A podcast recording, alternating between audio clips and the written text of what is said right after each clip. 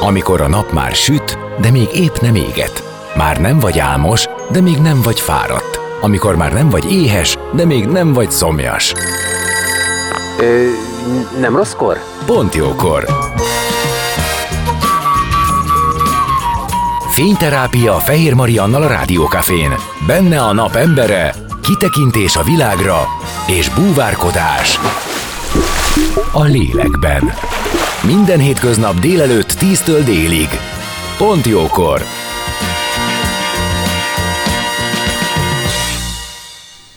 Szép napot mindenkinek, már is kezdődik a Pontjókor, és a napemberek Kolman Gábor jazz szakszofonos, a 25. születésnapját ünneplő Budapest Jazz Orchestra igazgatója lesz, akivel nyilvánvalóan a zenéről, annak egyetemes hatásáról beszélgetünk, de lesz benne szó élettörténetről is, és persze a személyes kapcsolattitkáról, a jazzzel és a szakszofonnal. Zenélünk, és aztán már is jövünk, maradjatok ti is.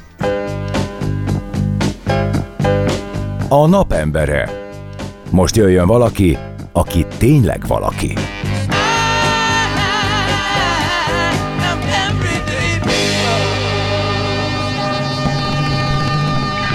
Szép napot mindenkinek, ahogy ígértem, már itt van vendégem Kolman Gábor, jazz szakszofonos, a 25. születésnapját ünneplő Budapest Jazz Orchestra igazgatója, akit köszöntök, szia! Szervusz! És nem azt mondom, hogy 25 éve találkoztunk, de elég régen, viszont most vissza kellene emlékezni a 25 évvel ezelőtti indulásra. Akkor mit mondanál, hogy emlékszel? Ez egy nagyon szép emlék a Budai Park színpadon a Cotton Club Singers énekegyüttes kitalálta, hogy egy big band szeretne fellépni, és megkerestek minket. Tulajdonképpen e, ez volt az a pillanat, amikor először összeállt az egyetemen akkor tanuló diákokból és ott tanító tanárokból egy alkalmi big band formáció. És azért tekintjük ezt a Budapest Jazz Orchestra születésének, mert ettől a naptól kezdve mi gyakorlatilag együtt maradtunk. Az ének együttes menedzserének, Léderer Tamásnak tartozunk még sok köszönettel, aki támogatta a zenekart. Ő maga jött oda a koncert után hátra a zenészekhez, és mondta, hogy, hogy ezt muszáj folytatni, mert, mert nincs ilyen. És bár voltak korábban big bandek Magyarországon, ez nagyon fontos például, hogy a Studio 11 a kezdeti időkben a klasszikus big band felállásban működött hosszú-hosszú éveken át, és nagyon magas szinten játszották ezt a zenét. Később változott csak a profil, és hát tulajdonképpen még volt egy Budapest Big Band nevű együttes is, akivel összeszoktak minket keverni. Ők egy támogatás kapcsán jöttek létre, és sajnálatos módon nem találtak további finanszírozást, úgyhogy rövid ideig léteztek.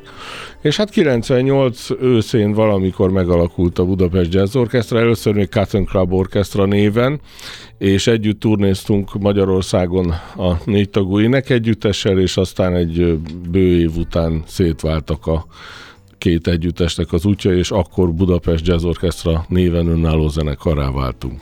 Hát és azóta is ti így vagytok, és 25 év eltelt. Ebből az elmúlt időszak, az csak azért emelem ki, hogy így, mint fontos, mert hogy ugye itt volt ez a Covid időszak, ami mindenkinek nyilván hozott egy teljes változást, behúzta a féket, át kellett gondolni, hogy hogyan tovább. Rátok hogy hatott? Hát tulajdonképpen Amiatt, hogy ilyen nagy létszámú együttes vagyunk, ez picit determinálja azt is, hogy hol tudunk fellépni. Nyilván nagyobb közönségek előtt történnek többnyire ezek a koncertek, és így ezekre nem volt lehetőség, tehát mi száz fő alatti helyen nem tudtunk koncertezni. Rengeteg felvétel készült velünk akkor, és ezért nagyon hálásak vagyunk. Kettő raktár koncerten is közre tudtunk működni, Tóth be tudtuk mutatni az önálló produkciónkat, aztán később Nemzeti Kulturális Alap támogatásával lett egy jazz raktárkoncert sorozat is, ez a Budapest Jazz Clubban került rögzítésre, és ott is fellépett a zenekar. Tulajdonképpen én azt tudom mondani, hogy most ennek a nyárnak az elejére jött vissza az a volumenű működés és az a mennyiségű fellépés, ami a Covid előtti időszakot jellemezte. Ó, akkor ez nagyon hosszan elhúzódott nektek, tehát hogy szinte akkor több év. Hát igen. Uh-huh. És abban az időszakban a, ennek az átvészelése ez hogyan zajlott? Vagy hogyan tudtátok akár egymást támogatni ebben? Vagy mindenki külön próbált külön utakon megélni? Hát tulajdonképpen mindenki nézte a tévét, és próbálta megérteni, hogy most mit lehet csinálni, és mit nem. Emlékszem, hogy készült velünk a Fábrisóban egy olyan felvétel, amikor egy külföldi Big Bandnél láttuk, hogy olyan maszkot készítettek, ami a fúvókákat is letakarta meg a hangszerek felső részét, úgy néztünk ki benne, mint valamilyen nyugdíjas kalózok együttesen, ilyen fekete leplekkel az arcunk előtt. Szóval próbálkoztunk sok mindennel, mi, nekünk a működési volumenünk nagyon nagyban függ a, a nagy fesztiváloktól, nagy koncerttermektől, és gyakorlatilag a finanszírozástól is. Most itt sok téren mentünk le egy kicsit az elmúlt években, és gyakorlatilag mondom most arra érzem azt, hogy ez visszaállt.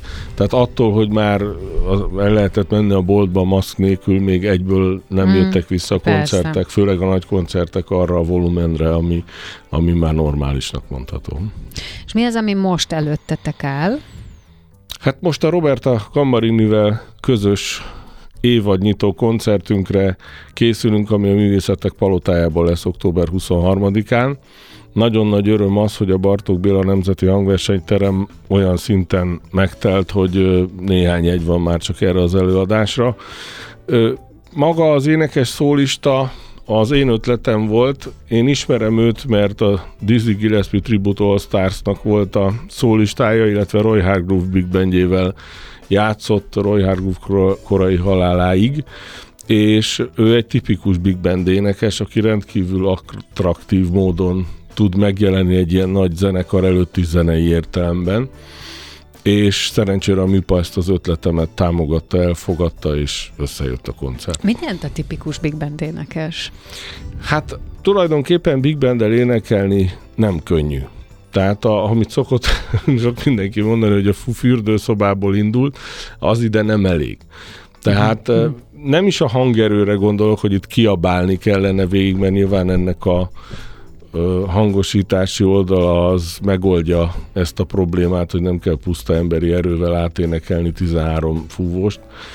De maga a dalok megformálása az kicsit már elmegy abba az irányba, de zenei értelemben nem, nem mozgás és testtartás, hogy ugyanúgy, ahogy egy színdarabban végig képben kell lenni. Tehát végszavak vannak, kezdő pillanatok vannak, ha ahhoz képest egy kicsit is elcsúszunk, azonnal borul minden, mert a hangszerelés végig követi az énekvonalat az esetek 70%-ában, és hát bizonyos dolgok elhangzanak, ami nem a számnak a része, hanem a hangszerelésnek a része, tehát nagyon pontosan tudni kell a dramaturgiát. Másrészt ez talán igazságos dolog is az élettől, de az ilyen monumentális pillanatokban fel kell nőni ehhez. Tehát, hogy kell tudni olyan módon énekelni, ami egy ilyen 17 tagú kísérettel ekvivalens. Ugye az emberi részét kidomborítva talán a legjobb példa a Tony Bennett meg a Frank Sinatra, mert ők szinte néha csak beszéltek, de azt olyan módon tették, hogy az embernek a figyelmét maximálisan odavonzották a szövegre, a dalra, és ők lubickoltak egy ilyen nagy zenekari kíséret tetején, de ez nem könnyű. Tehát ez nagyon erősnek kell belül lenni, én úgy érzem. És a zenekarnak a lubickolása az az, hogyha egy ilyen énekes mellett játszhat?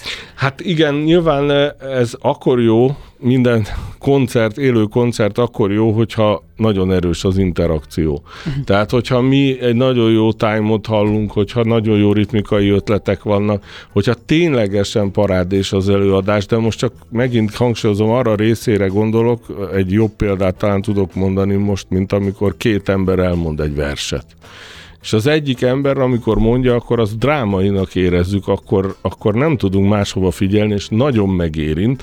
Amikor a másik ember elmondja, esetleg aki nem annyira ügyes, ott megértelmezzük a szöveget, és figyelünk tovább, de nincs katarzis. Tehát itt kell a katarzis. Világos. Meg hogy közben van egy csomó improvizáció a jazz maga a műfaj miatt. Na ez az, amit én ezt sokszor mondom, hogy mi halandók, nem biztos, hogy valaha megértjük. A múltkor egy színházi előadást láttam, amiben uh, a jazz zenekar volt a kísérő, és próbáltam, tehát az első sorba ültem, és próbáltam folyamatosan lelesni azt, hogy ezt hogy, mikor, mikor beszélik meg, hogy mi következik, és hogyan vannak ők egymással összeköttetésbe és az előadóval? Nem sikerült megfejtenem. Hát tulajdonképpen maga az improvizáció egy nehezen körülírható dolog egy olyan embernek, aki még sohasem csinálta. De ez alatt nem azt értem, hogy megpróbálta már, hanem hogy, hogy ténylegesen eljutott arra a szintre, hogy valamennyire irányítani tudja időben a, a zenei történéseket. Ez nál, én csak a saját esetemet tudom elmondani, hogy 13 éves koromban végtelenül elkezdtek vonzani ezek a hangszeres szólók. Tehát, hogy nagyon beindították a fantáziámat. Többszöri meghallgatás után együtt tudtam énekelni a trombitással, vagy a gitárossal, vagy a szakszofonossal a szólót. Tehát, hogy valamennyire a zenei memóriám ebbe az irányba nagyon fogékony volt. És ennek az egész dolognak a nehézsége az, hogy egy bizonyos időben egy bizonyos sebességgel kell, hogy történjen. Mert még az sem merék, hogyha az embernek van fantáziája és jó hangokat tud játszani egy harmóniára, itt az időbeni történés a, a nagyon nagy nehézség, hogy ö, egyszerűen egységnyi blokkok vannak, a többnyire. Nyilván van olyan is, amikor nagyon hosszú lére lehet ereszteni az improvizációt, de pláne egy Big Bandnél ezek csak villanások. Tehát maga a Big Band zenére nem jellemző, magára a Big Band zenére nem jellemző az, hogy a szólókat túl preferálná. Az egy megkomponált zene, amiben a jazz különböző harmóniai vívmányai és harmóniai fűzései sokkal monumentálisabban tudnak megszólalni, mint egy jazz quartet előadásában. Pusztán abból adódóan, hogy 13 ember játszik egy akkordot, és ott sokkal több a lehetőség ennek az akkordnak a belső színeit állítgatni, mint ha mondjuk egy zongorista van, meg egy szakszofonos. És emiatt itt ebben a műfajban paradox módon ahhoz nézve, hogy ez jazz, de nem az improvizáció viszi a primet, hanem maga a hangszerelés. Tehát, hogyha jó egy hangszerelés, akkor mindenki felkiált és, és örömújongást érez legalábbis belül. Ha ha túl sok a szóló, akkor meg indokolatlanná válik, hogy mit csinálod, az a sok ember ülnek és egymásra várnak. Tehát, hogy maga a dolog nem olyan. És a, mm, az emberi kapcsolat az milyen kell legyen egy Big Banden belül? Ennek a hát sok embernek együtt folyamatosan Mint működni. bármilyen munkahelyen. Tehát nyilván itt a Nem mondod, azért annál szerintem, tehát a bármilyen munkahelyen, az összefutunk a, a kávézóba, az nem biztos, hogy... Hát te, most a Budapest Jazz Orchestra épp egy olyan korszakát éli megint, amikor átlagban heti egy alkalommal fellép, amihez tartozik két próba. Tehát egy héten együtt töltünk legalább 9-10 órát az utazásokkal együtt. Ez egy idő után mindenki ismeri a másikat. Nagyon örülünk a másiknak, hogy milyen jól játszik, de nem azt mondom, hogy ez megkopik, és akkor én már természetesnek veszem, hogyha valaki zseniális dolgokat csinál. Csak nyilván az első látásra szerelem az nem örök, tehát ez rossz példa, hogy olyan, mint bármilyen más, vagy soha nem olyan, mint egy, egy civil foglalkozás. A szónak abban az értelmében, hogy szerencsére nekünk mindig egy picit mást kell csinálni, és mégiscsak művészettel foglalkozunk, és színpadon vagyunk. De egy idő után, hogyha az ember fókuszált munkát akar végezni, és eredményeket akar felmutatni, illetve hogyha megnő a koncertek száma, akkor csak hogy mindenki értse, nagyon egyszerű dolgok kerülnek a középpontba, például, hogy valaki odaére időbe, vagy nem. Uh-huh. Nem mindenki képes rá. Ez, mit tudom én, a Budapest Jazz Club egy kicsit vicces, amikor külföldre indulsz egy busszal, akkor nem vicces, mert eleve nem is tudod besatolni az út végét.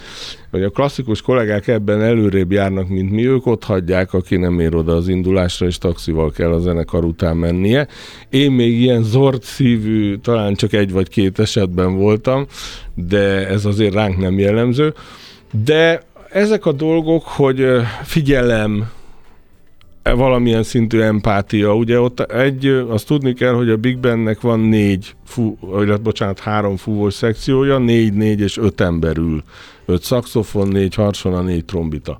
Ezeknek az embereknek nagyon-nagyon tudni kell összedolgozni, nagyon-nagyon tudni kell megbeszélni egymással, hogy mit szeretnének, és meg is kell érteni, bocsánat, hogy ezt is mondom. Tehát, hogy ezek már, mivel ez egy sok ember által egy időben nagyon nagy koncentrálást igénylő munkának az elvégzése, az erre való felkészülés, meg az e közben való együttlét sajnos szükségesé teszi, hogy ne csak zenei kvalitások legyenek, hanem emberi is, empátia is, fantázia is, figyelem, nagyon-nagyon fontos a fókusz. Hogyha ezek nincsenek, akkor, akkor egy idő után romlik a, a produktum, és felhívja magára a figyelmet a probléma. Na látod, erre gondoltam, hogy itt azért ennek árnyaltnak és rétegeltnek kell lennie, mert ez egy közös alkotás. Igen, igen, hát imádjuk a fociból vett példákat, könnyen lehet ezt ezzel szemléltetni, ugye a meccset úgy lehet megnyerni, ha rugunk gólokat. Ahhoz viszont kell két jó csatár legalább. Ha meg akarjuk nyerni a meccset, nem szabad kapnunk túl sok gólt. Ehhez kell egy jó kapus, de még inkább kell három vagy négy nagyon jó védő. Ez hasonló gondolkodási elven alapul, hogy a zenekar egyes részeinek megvannak a funkciói, és vannak olyan fajta ö, mérhető zenei kvalitások és tehetségek, amire szükség van. És ugye emellé jön még az, hogy a, a közben ennek a fajta tevékenységnek az elvégzése közben egyszerűen megvan az erő, nem a fizikai, hanem a mhm. mentális és a fókuszálási erő, hogy ez végig tudjon menni. Na most megengedjük itt a technikának, hogy ránk ugorjon, de csak akkor, hogyha ezt mi irányítjuk, mert hogy most fél van, és akkor jön itt mindenféle köztes, promó, zene, és aztán utána jövünk vissza, és folytatjuk innen a beszélgetést vendégemmel Kolman Gáborral, aki jazz szakszofonos, a 25. születésnapját ünneplő Budapest Jazz Orchestra igazgatója. Maradjatok ti is. A napembere. Most jöjjön valaki, aki tényleg valaki.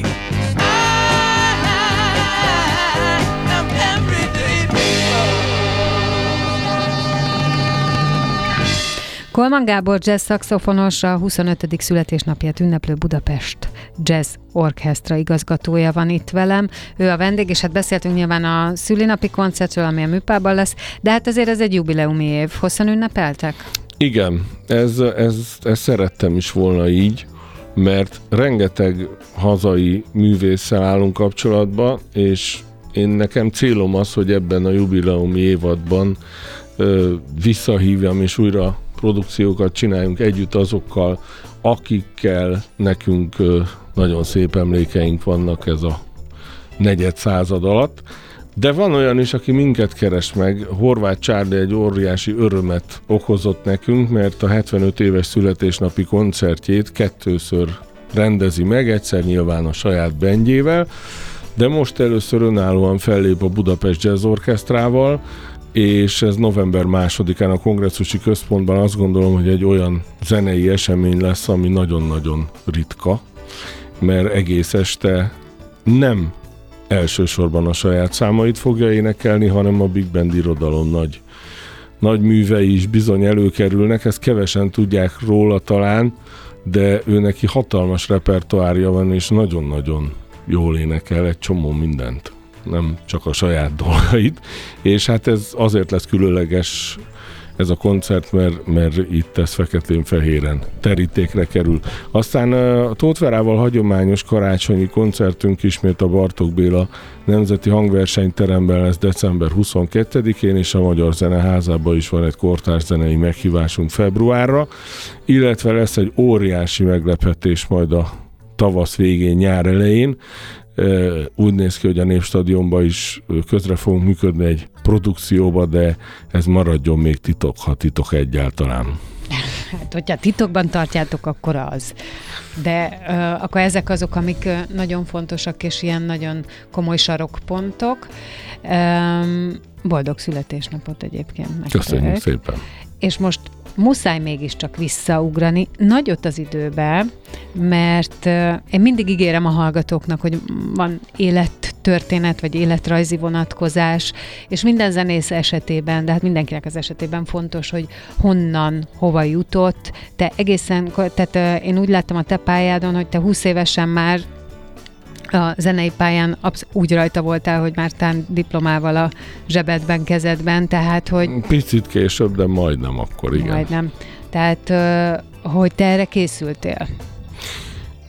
Hát erre nem nagyon lehet készülni, szóval aki, aki szembe találja magát egyszer csak a zene nagyságával és végtelenségével, az akkor írtózatosan kicsinek érzi magát. Tehát, hogy ez nem úgy van, hogy egyik reggel felkelek. Vannak ilyen emberek, de hát rajtuk inkább mi nevetni szoktunk. Tehát nincs olyan, hogy én felkelek, és azt mondom, hogy na, ez most, ez én leszek.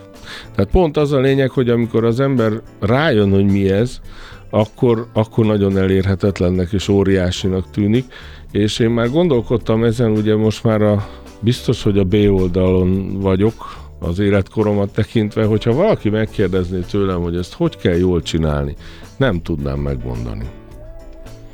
Ha most azt gondoljuk, hogy én valamit jól csinálok, uh-huh. akkor nem tudnám megmondani, hogy arra hogy lehet tudatosan készülni. Ez egy fejlődési folyamat rengeteg döntéssel.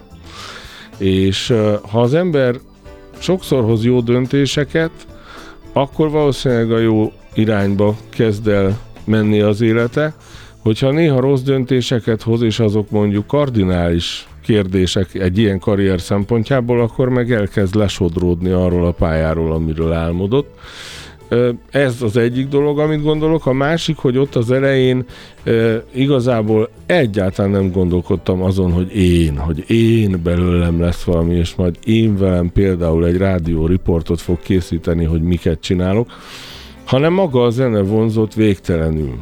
Tehát amikor nem is a Benko Dixieland koncertjén voltam egyszer, mert Soproni vagyok, ott túl sok minden nem volt, volt egy másik előadás, amikor a Dés László színészekkel, a Básti Julival jött, és ilyen zenés dolgait, ami, ami a színészethez, színházhoz kapcsolódik, abból játszottak el nagyon sokat. Ott már egy jazzzenekar kísértek, később már rájöttem, ugye megtudtam, hogy kik voltak azok is nagyon jó zenészek. Illetve van egy nagyon furcsa történet, és az is nem tudom elfelejteni. Hofi Géza lépett fel egyszer, és ő is zenekar, egyébként a Géza nagyon-nagyon jól énekelt. Ezt kevesen tudják, de tényleg jól énekelt. És ott Latman Béla basszusgitározott, és emlékszem, hogy úgy lement ez az egész, rengeteget nevettünk, beszéltünk, és akkor ez annyi maradt meg bennem összesen, hogy ott valaki úgy basszusgitározott, hogy én még ilyet nem láttam. Úgyhogy voltak ilyen élményeim, és aztán hallgattam a Hobónak a Vadászat című lemezét, amint Tony Lakatos szakszofonozott, meg, meg inkább blues hallgattam, és volt Sopronban egy fiú, akinek kint élt Németországban nővére, és ő ilyen hifi ember volt, bakeliteket gyűjtött, és hát neki hajmeresztő jó zenéi voltak. Nem szerette kifejezetten a jazz, de egy pár volt neki. A King Crimson mutatott nekem állandó, meg próbált így megtéríteni a, az ő hitvallására, de nem ment. És, és aztán nála hallottam például Phil Woodsot úgy először, hogy egy Dixieland zenekar hívta meg, és ez az ember a hardbop egyik legkomolyabb képviselője volt, tehát kicsit onnan kilógott, de egy olyan erőteljes karaktert hallottam, és egy olyan hangszeres tudást, meg olyan, ha már kérdezted, olyan szintű improvizációs készséget, ami teljesen ledöbbentett, hogy ilyen van, ilyen létezik egy ember, aki ezt, mert ugye egy véghallgatsz egy ilyen 50 perces lemezt, ott nem egyszer sikerül neki jól játszani, hanem nagyon sokszor. És akkor ezek elvonták a figyelmemet ebbe az irányba, ugye én klarinétoztam először, és akkor 16 éves koromban kaptam egy szakszofont az édesapámtól, mert ugye a klarinéttal valahogy nem találtuk meg egymást. Nehéz hangszer egyébként, tehát nehezebb, mint a szakszofon. Bár egy szint fölött nyilván minden hangszer ugyanolyan nehéz, de most a tanulási időre értve a klarinét nagyon nehezen adja meg magát egy szakszofonhoz képest. És akkor pont ebben az időszakban kaptam valakitől egy kazettát, amin a Miles Davis akkor csinálta meg a Decoy című lemezét, és a John Scofield gitározott, azt hiszem a Daryl Jones basszus gitározott, és ott, ott éreztem azt, hogy hogy a fülem ebbe az irányba nagyon nyitott. Tehát, hogy ezeket olyan mélységig bele tudtam magam élni abba, hogy játszanak, hogy szinte azt képzeltem, hogy én is ott vagyok. És akkor nyilván ez így beszívja az embert, és pont véletlenül úgy jött ki, mert még akkor se dőlt el ez, hogy 89-ben volt itt Budapesten az első Miles Davis koncert, pont ebben a groove zenekarral, csak már mások voltak benne, akkor a Kenny Garrett volt itt vele, és azt én láttam, és, és akkor hát az ott teljesen kikészültem. Tehát az, hogy, hogy emberek ezzel tölthetik az életüket, hogy ilyen fantasztikus pillanatokat élnek meg együtt, igazából ez nagyon vonzóvá vált. Mert ott, ott láttam azt közelről, hogy, hogy ezek az emberek ezt nagyon-nagyon komolyan csinálják. Tehát nem, a, nem az, hogy mutogatják, hogy ők mennyire tudnak, hanem a Miles Davisnél ténylegesen mindig egy picit a pillanatra volt bízva, minden számon belül, hogy mi fog történni, és hogy abban a pillanatban ő maximalista volt. Aki nem abba az irányba ment, amit ő szeretett volna, azt leállította. Volt olyan, akit a szóló közben oda ment, és lehúzta a hangszert a kezéből, hogy ne játszom, mert nem ezt szeretné. Mm. És, és akkor meg ugye ez olyan hatással volt rám, hogy, hogy, hogy itt valami fejben történik, mert van egy rész, amit mi hallunk, de hogy fejben, meg lélekben van egy sokkal nagyobb történet, aminek ezek csak a kiszivárgásai, ami a hangszeren át kijön, de hogy ott ténylegesen van emögött valami fajta kicsit spirituális dolog, és uh, én ezt a mai napig így gondolom, hogy uh, ha egy ember 90 percen keresztül ember felettinek tűnő teljesítményt ad le, az azért lehetséges, mert be tud vonzani valami olyan energiát, ami meghaladja az ő szubstanciális nagyságát. Én ezt abszolút vallom és hiszem, és én mindig el is szoktam mondani, hogy valami, én úgy szoktam fogalmazni, hogy ti valami olyan csatorna vagytok, ö, amin keresztül legyen ez a hangszered, legyen ez a torkod, legyen ez az előadásmódot, teljesen mindegy, hogy mi, vagy kinél mi, amin keresztül megnyilatkozik valami, ami fölöttünk áll. Igen, hát pont, hogy mondtam neked az előbb, nagyon ritkán nézek operát, de tegnap kaptunk két egyet, egy Debussy operát láttam, és amikor operát valaki jól énekel, az mindig egy katartikus élmény. Tehát én nem hallgatok otthon ilyen zenét, de nyilván élőben teljesen más minden zene, és uh, tegnap is úgy énekelt a, az egyik szereplő, és ugye minden alkalommal, tehát ugyanez, amit a a Phil Woodsnál mondtam, hogy nem egyszer sikerült jó valamit elénekelni, hanem állandóan. és, és nagyon-nagyon ö, nagy erő jött abból az emberből, de nem hangerő, hanem ez, amiről beszélünk. És ez egy jó dolog, mert e, ehhez, hogy erre képes legyél, ehhez fókuszban kell lenni. Tehát a fókuszálni kell arra, ahonnan az invenció jön, és fókuszálni kell arra, hogy te ennek ne legyél lehetőleg gátja.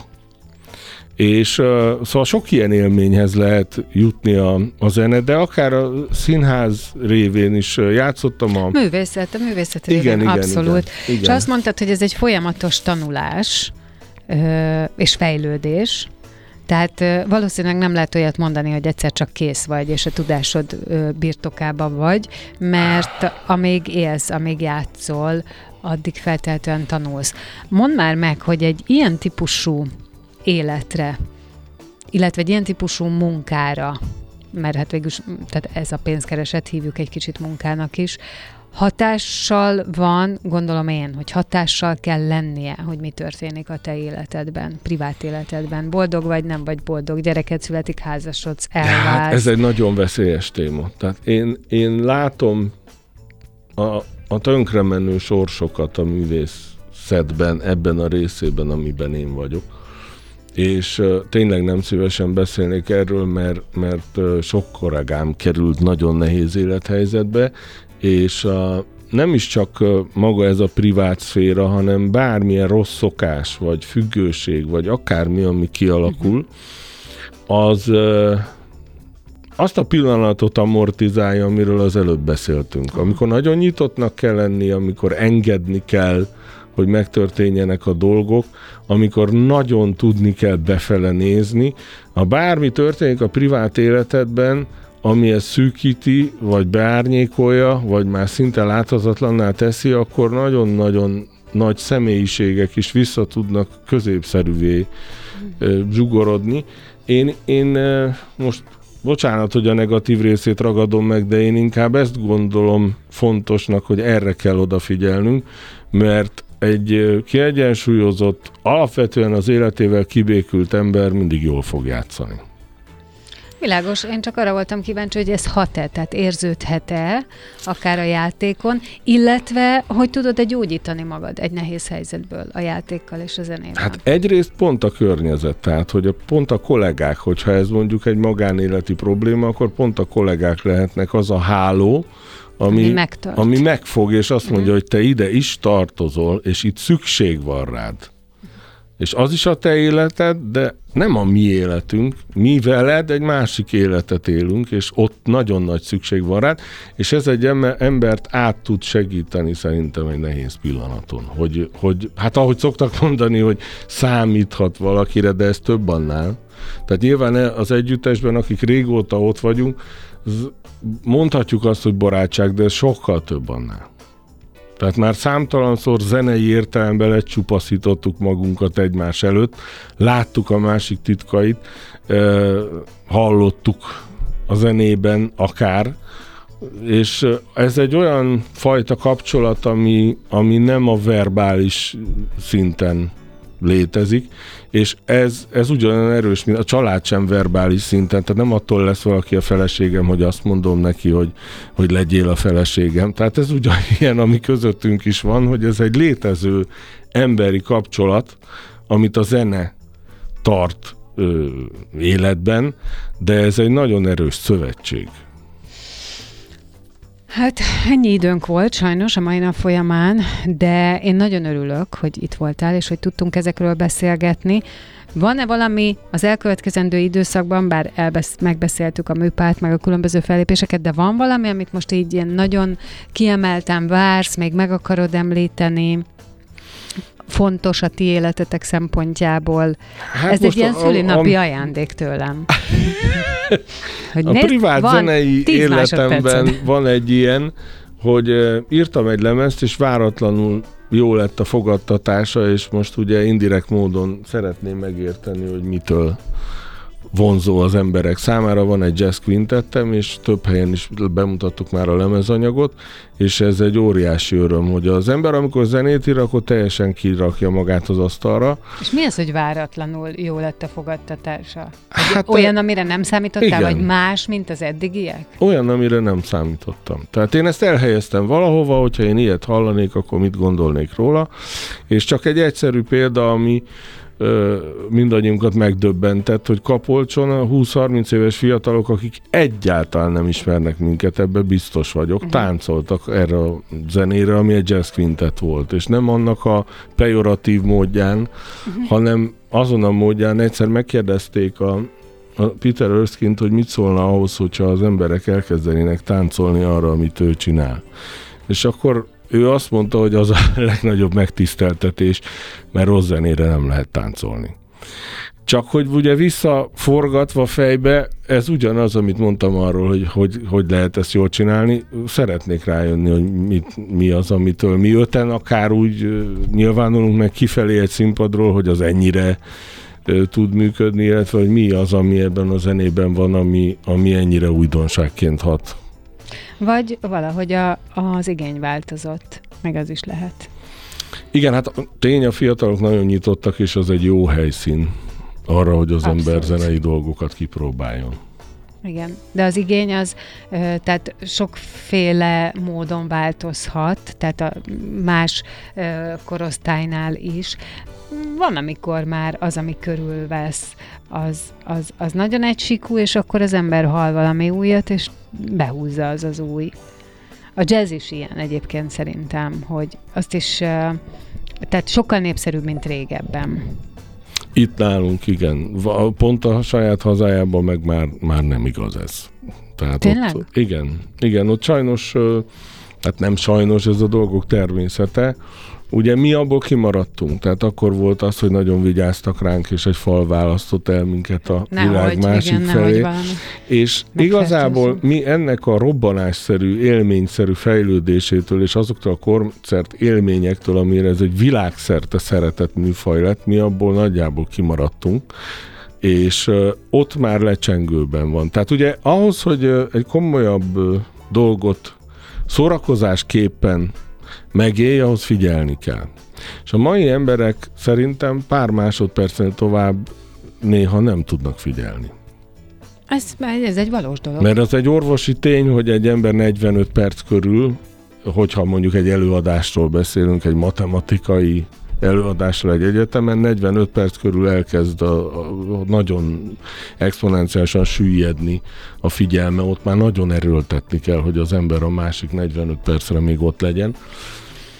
De a mai ember a mobiltelefon, meg ez a sok kódolt rövid üzenet által Ö, hát már a tévében is azon nevettem, voltam egy reggeli műsorban, mindenféle internetes portáról olvastak fel háromsoros híreket, és az volt a reggeli hír műsor egy tévében. Szóval mit csinálunk? A mobiltelefonunkról tisztára megváltozott minden, és ténylegesen az van, hogy egy pár szó az, amíg egy ember szerintem most Ez így van, tud. az így van, megnézd meg, hogy hány másodpercig nézel, tehát elkezdesz nézni egy videót, és mondjuk nem történik benne semmi. Én ezért mondom nagyon sokszor, hogy ö, nem, nem gondolom, hogy átveheti a mindenféle home videó, meg home podcast a hatalmat, mert már a hanghordozás, az, ahogy elkezdődik, a hümmögés, a nem tudom én, már, már eltelik annyi idő, hogyha nem kapsz információt, akkor nem fogsz rá figyelni. Igen, igen, úgyhogy hát sajnos mi egy olyan fajta élményt tudunk adni, amihez figyelni kell, és ennek itt van Jó, a de ez egy minőségi lakatja. élmény.